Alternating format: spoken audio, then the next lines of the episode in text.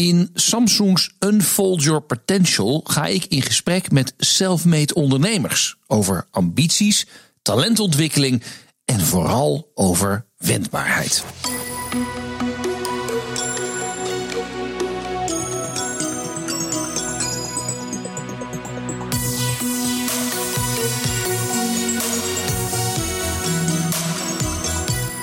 En vandaag bezoeken we ondernemer Ron Simpson, eigenaar van restaurant The Avocado Show en 24K Agency. Nou, voordat ik hem het hemd van het lijf vraag, stelt hij zichzelf even aan je voor. Mijn naam is eh, Ron Simpson. Ik ben creatief ondernemer. Um, onder andere van de Avocado Show en 24K Agency en nog een paar andere leuke projecten. Wauw. Vet hè? Wat een uitzicht, jongen. Ja, in de avond is die helemaal niet normaal. Oh, wat vet. Oh, dat is echt goed zeg. Oh, je hebt een uitzicht hier over Amsterdam. Ja, dat is ongekend. Ik zag uh, op jouw rug staan, op jouw sweater. Creatives are the new athletes. Is het ook zo? Want jij zegt, ik ben zelf een creative. Zijn dat de nieuwe sporthelden eigenlijk?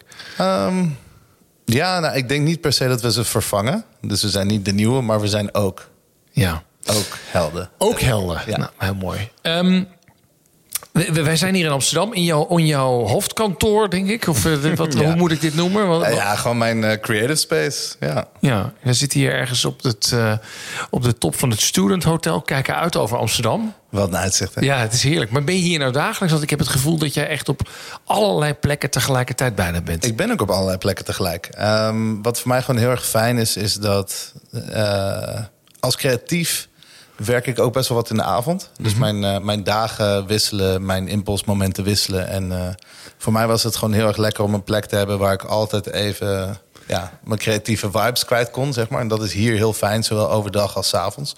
Ehm, en de Avocado Show heeft gewoon zijn eigen kantoor. En eigenlijk elk project heeft wel een eigen kantoor.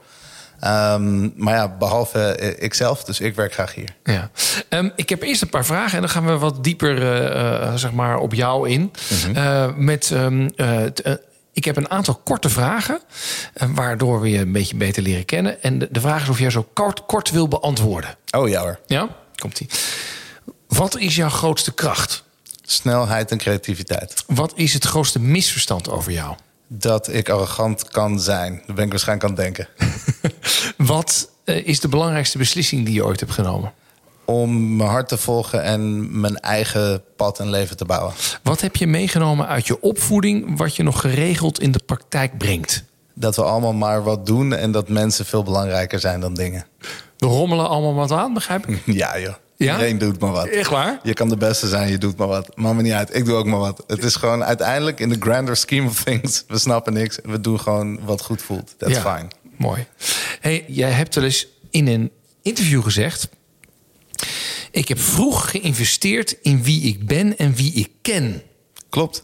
Waarom is dat zo belangrijk?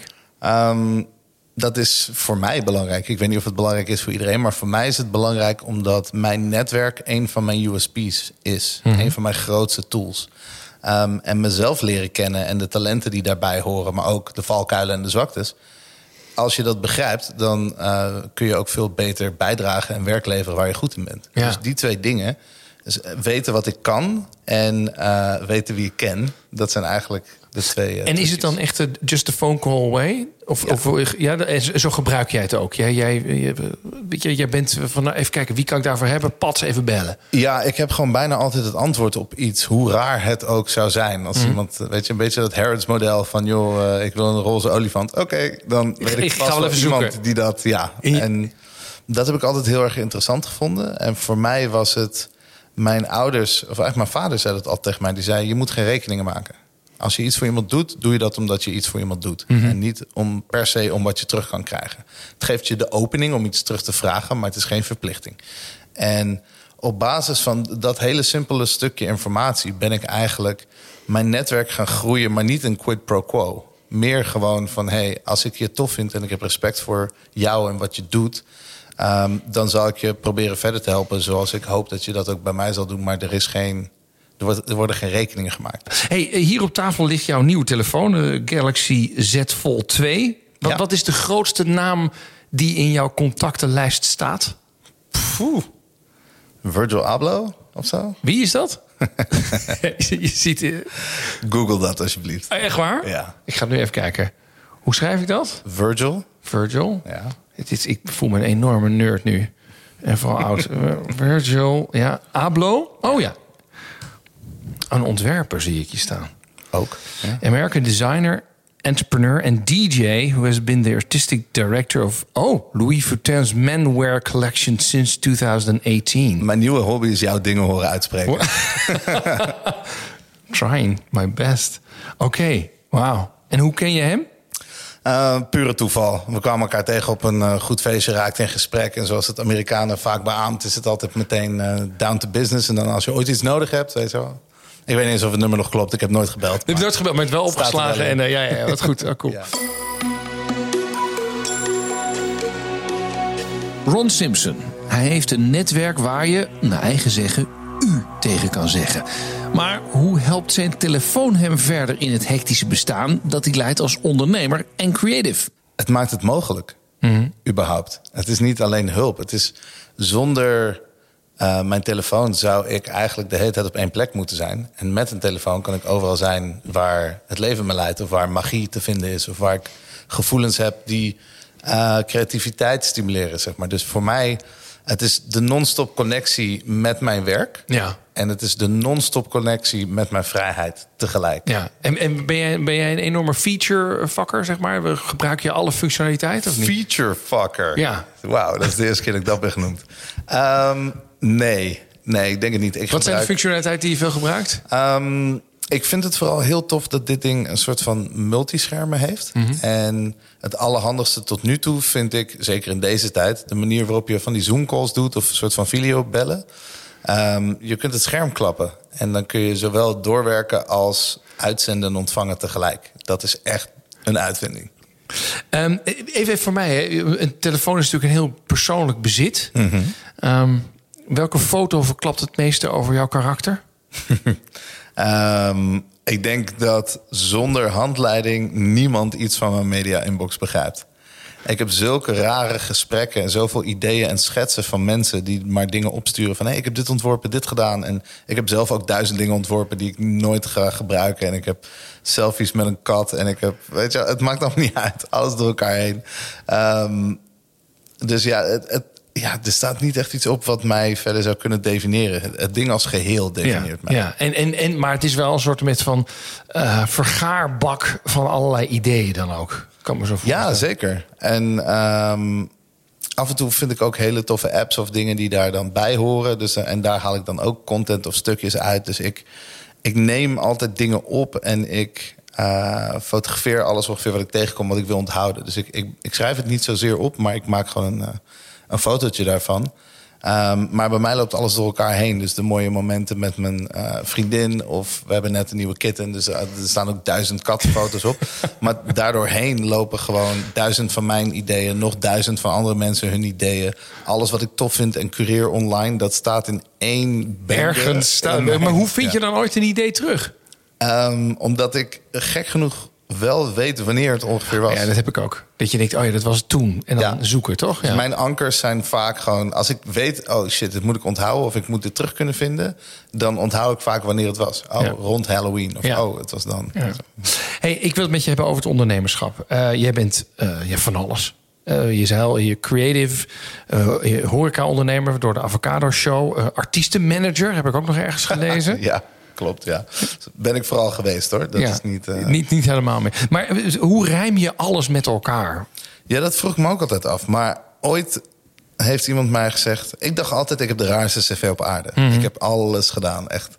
Eh, en ik dacht dat daar geen rode draad in zat. Maar dat is het eigenlijk wel. Ehm, dus de twee dingen die mij altijd binden aan wat ik heb gedaan... dat zijn storytelling en creativiteit. Dus het proberen creatieve ideeën om te zetten in succesvolle concepten. Dat kan zijn voor mij, dat kan zijn voor jou... dat kan zijn voor iedereen, agency model, noem het maar op.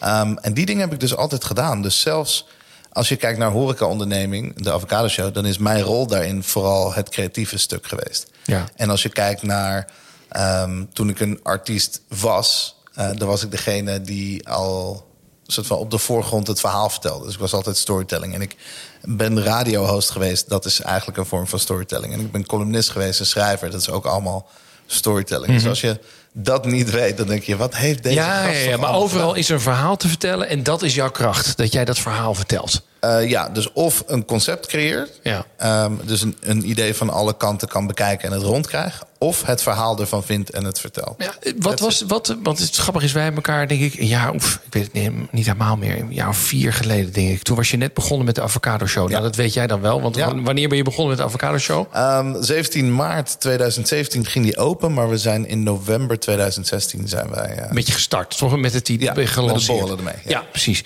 Ehm, wat is, en, leg even uit voor de mensen die de Avocado Show niet kennen. Wat is het idee? Wat is de story? De Avocado Show is eigenlijk vrij simpel. Het is een, eh, de werelds eerste franchise gebaseerd op een mono-restaurant voor avocado's. En een mono-restaurant is gewoon een restaurant op basis van één ding. Dus of één gerecht of één ingrediënt. Denk aan een hamburgertent of een truffelrestaurant. Nou, In ons geval doen we dat met avocado's. Eh, we hebben daar een merk omheen gebouwd. Dus los van eh, restaurants vind je ook merchandise en producten en media, et cetera, eromheen. Kookboeken, noem het maar op. Ehm, en daar hebben wij een franchise van gemaakt... dat nu naar eh, ja, 19 nieuwe locaties gaat. Door heel Europa. Heel Europa. Ja.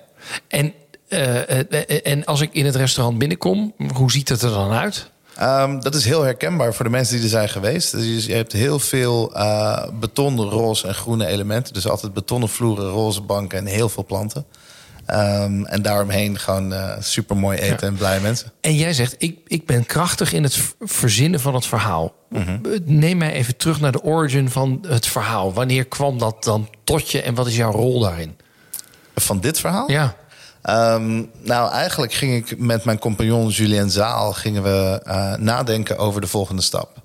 We wilden ondernemen, we hadden een klein beetje geld verdiend en dat wilden we investeren. Ehm, afhankelijk van je budget moet je ook denken in ideeën. En toen zeiden we, nou, alleen kunnen we niet zo heel veel. Samen kunnen we misschien een klein tentje openen. Dat is leuk.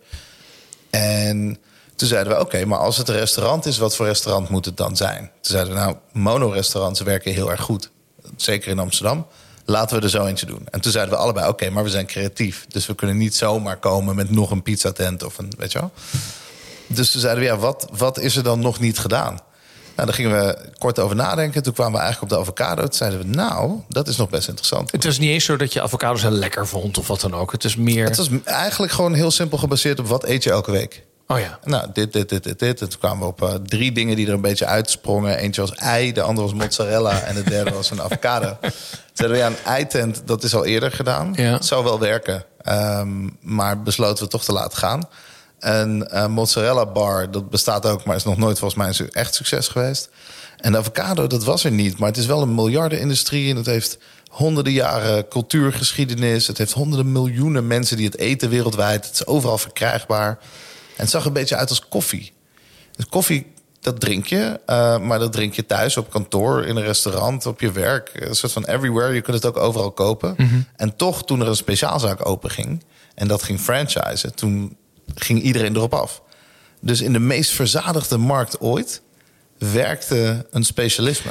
Want eh, ik, ik, ik weet nog met je de verbazing in jouw ogen, kan ik me nog herinneren. toen je bij mij in de televisieuitzending was. dat jij zei: ja, Wij weten eigenlijk ook niet wat ons overkomt nu. klopt. Maar Het was een totale explosie van, ik denk, aandacht. Maar jij zei ook best veel mensen die zeggen: Ik wil meedoen met de franchise. Ja, Dat voordat we open waren. Ja, voordat je, terwijl je, wil je wist niet eens of er een beetje revenue kwam. Nee, Toch? Het was alleen maar een idee. Ja, iemand begint een Een goed idee past op een bierveeltje. Zo simpel is het. Maar wat ik dan, wat, wat heb ik me sindsdien altijd afgevraagd. Denk ja, maar wat is er dan zo speciaal op dat bierveeltje dat mensen naar je toe komen en zeggen: Ik wil franchisen? Dat kan ik je vertellen inmiddels. Vertel.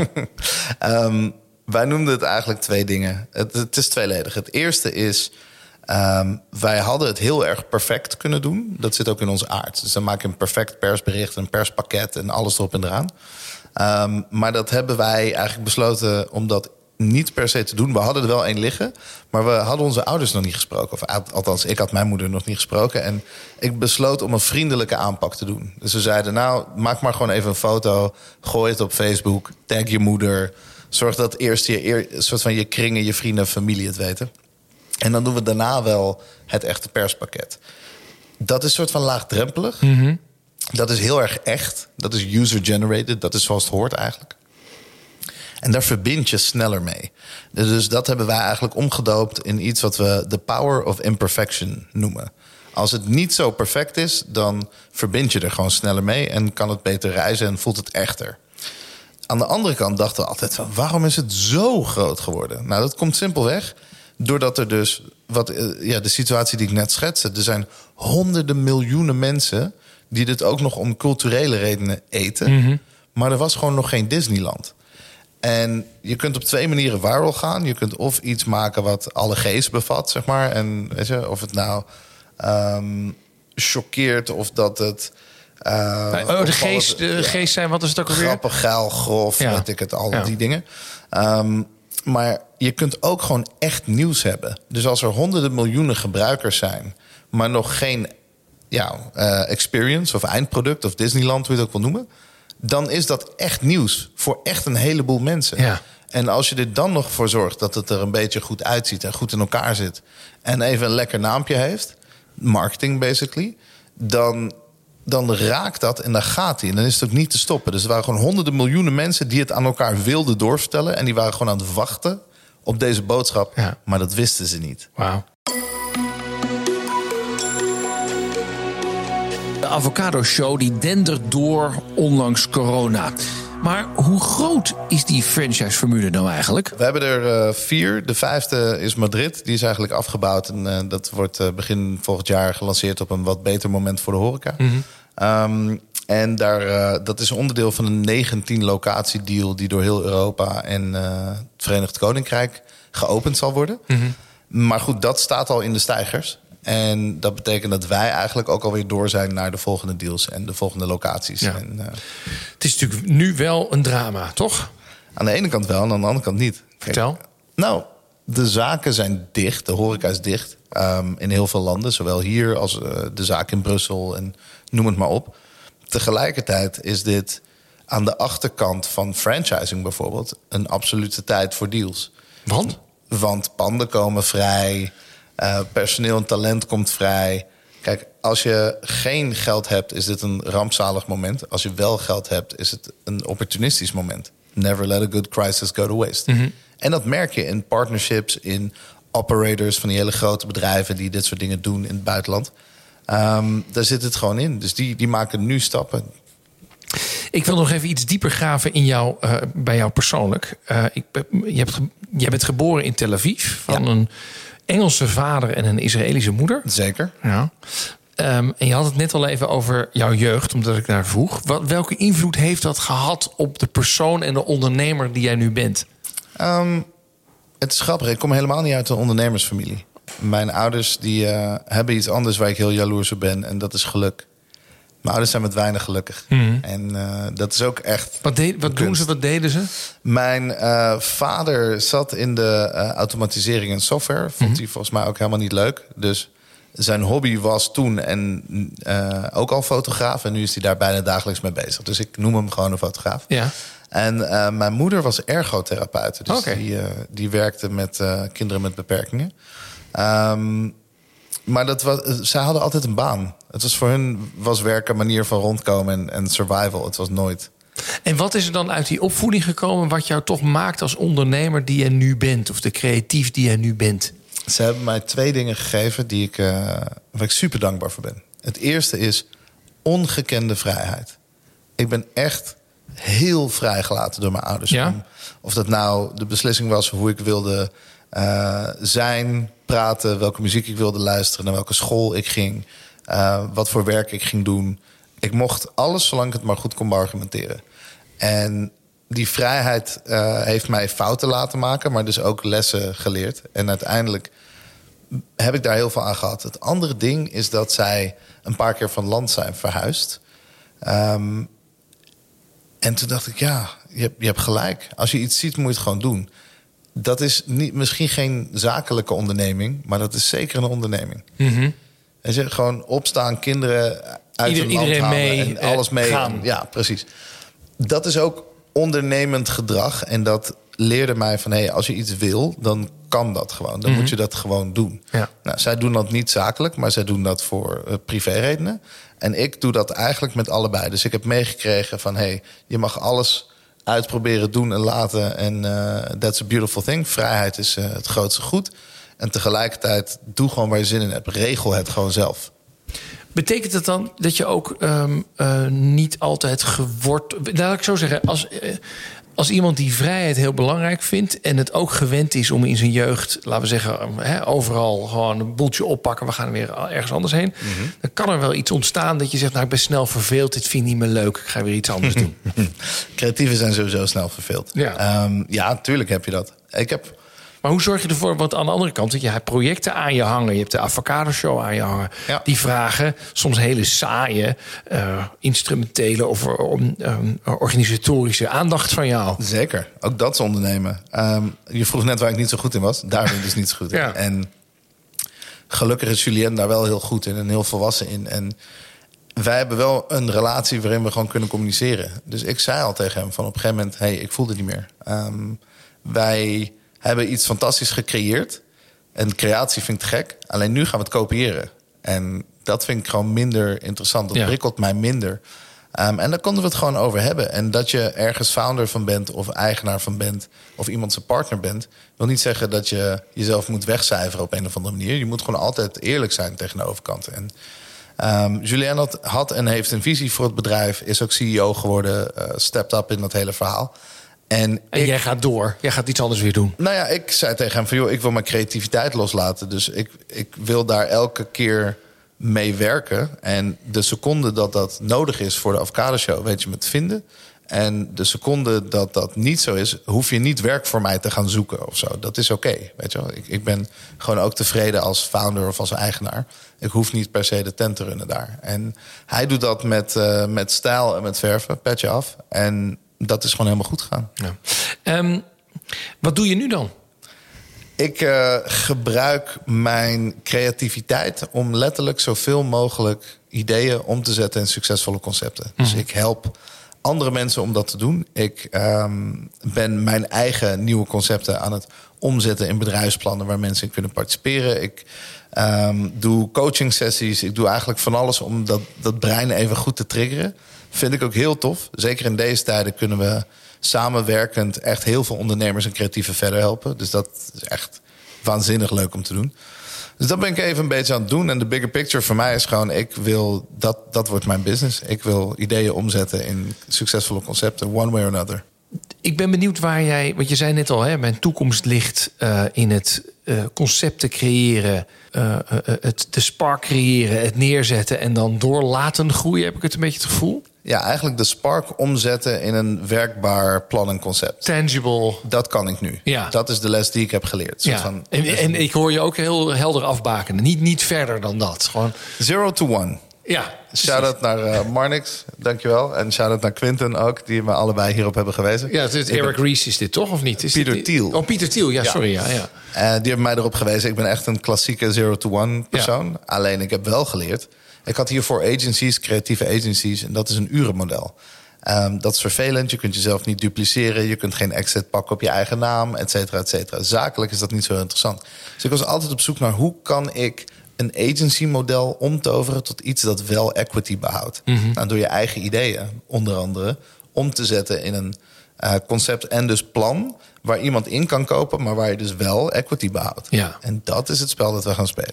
Uh, afrondend, hè? Ja. Um, wat zou jij. Nou, stel je voor, je coacht jezelf. Mhm. Mm -hmm. Je tien jaar jongere zelf. Die zit okay. tegenover jou. Ja. En, um, en die mag je gewoon een aantal adviezen geven. Wat zou je beste advies zijn? Stay close to your genius. Dat zeg ik altijd. Ik, um, wat we zeiden ook met die eerdere quote van... Hè, ik heb geïnvesteerd in wie ik uh, ken en wie ik ben. Als jij namelijk weet wie jij bent en wat je kunt... dan kun je daar heel erg goed in worden. En dan kun je bekend om gaan staan... en dan weten mensen jou te vinden. En ondernemen is een lastig ding. Er zijn allerlei motiverende redenen om iets wel of niet te doen. Ik heb altijd zoiets van... kies hetgeen waar je dubbele uren voor zou draaien... voor de helft van het geld. Mm -hmm. Als je het dan nog steeds zou doen, dan is dat wat je moet doen. En dan ben je er waarschijnlijk ook heel goed in, maar het maakt je sowieso gelukkig. Dat is jouw genius. Doe dat. Blijf daar in de buurt. Laat je niet te ver afleiden. Heb je partners nodig? Vind die dan. Maar zoals ik en Jules met elkaar communiceren, zeg gewoon wie je bent, wat je kunt, wat je wil. En wees gelukkig daarmee. Ja. Dat is cool. En, en ga daar niet te veel daarbuiten proberen te kleuren om de ander maar tevreden te houden, begrijp ik. Dat en ehm, kijk, de eerste paar keer dat je onderneemt, ga je gewoon leren dat je binnen no time manager wordt en dat je daar wel of niet goed in bent, of dat je het zelf niet leuk vindt of whatever. Al die dingen kun je voorkomen door te, te leren en te begrijpen wie je bent en wat je kunt. Hoeveel ellende had je dat geschild in de afgelopen tien jaar als je dit hele goede advies had gehad? Nou, ellende is één ding, maar dat waren lessen die ik echt moest leren. Nu weet ik het. Het is geen gedachte, het is een feit. Het is een gevoel. Ik weet dat dat zo is. En dus weet ik precies waar ik van weg moet blijven. En ik weet ook wat ik waard ben. Hoe ik kan bijdragen, dat geeft me purpose, dat geeft mij geluk. Dus dan ben ik klaar. Dankjewel.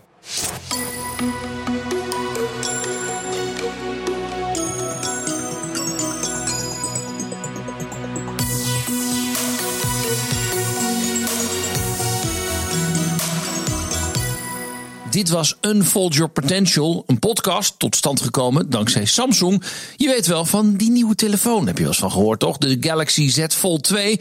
Nou, wil je deze podcast nogmaals naluisteren? Ga dan naar de BNR-app, Spotify of Apple Podcasts.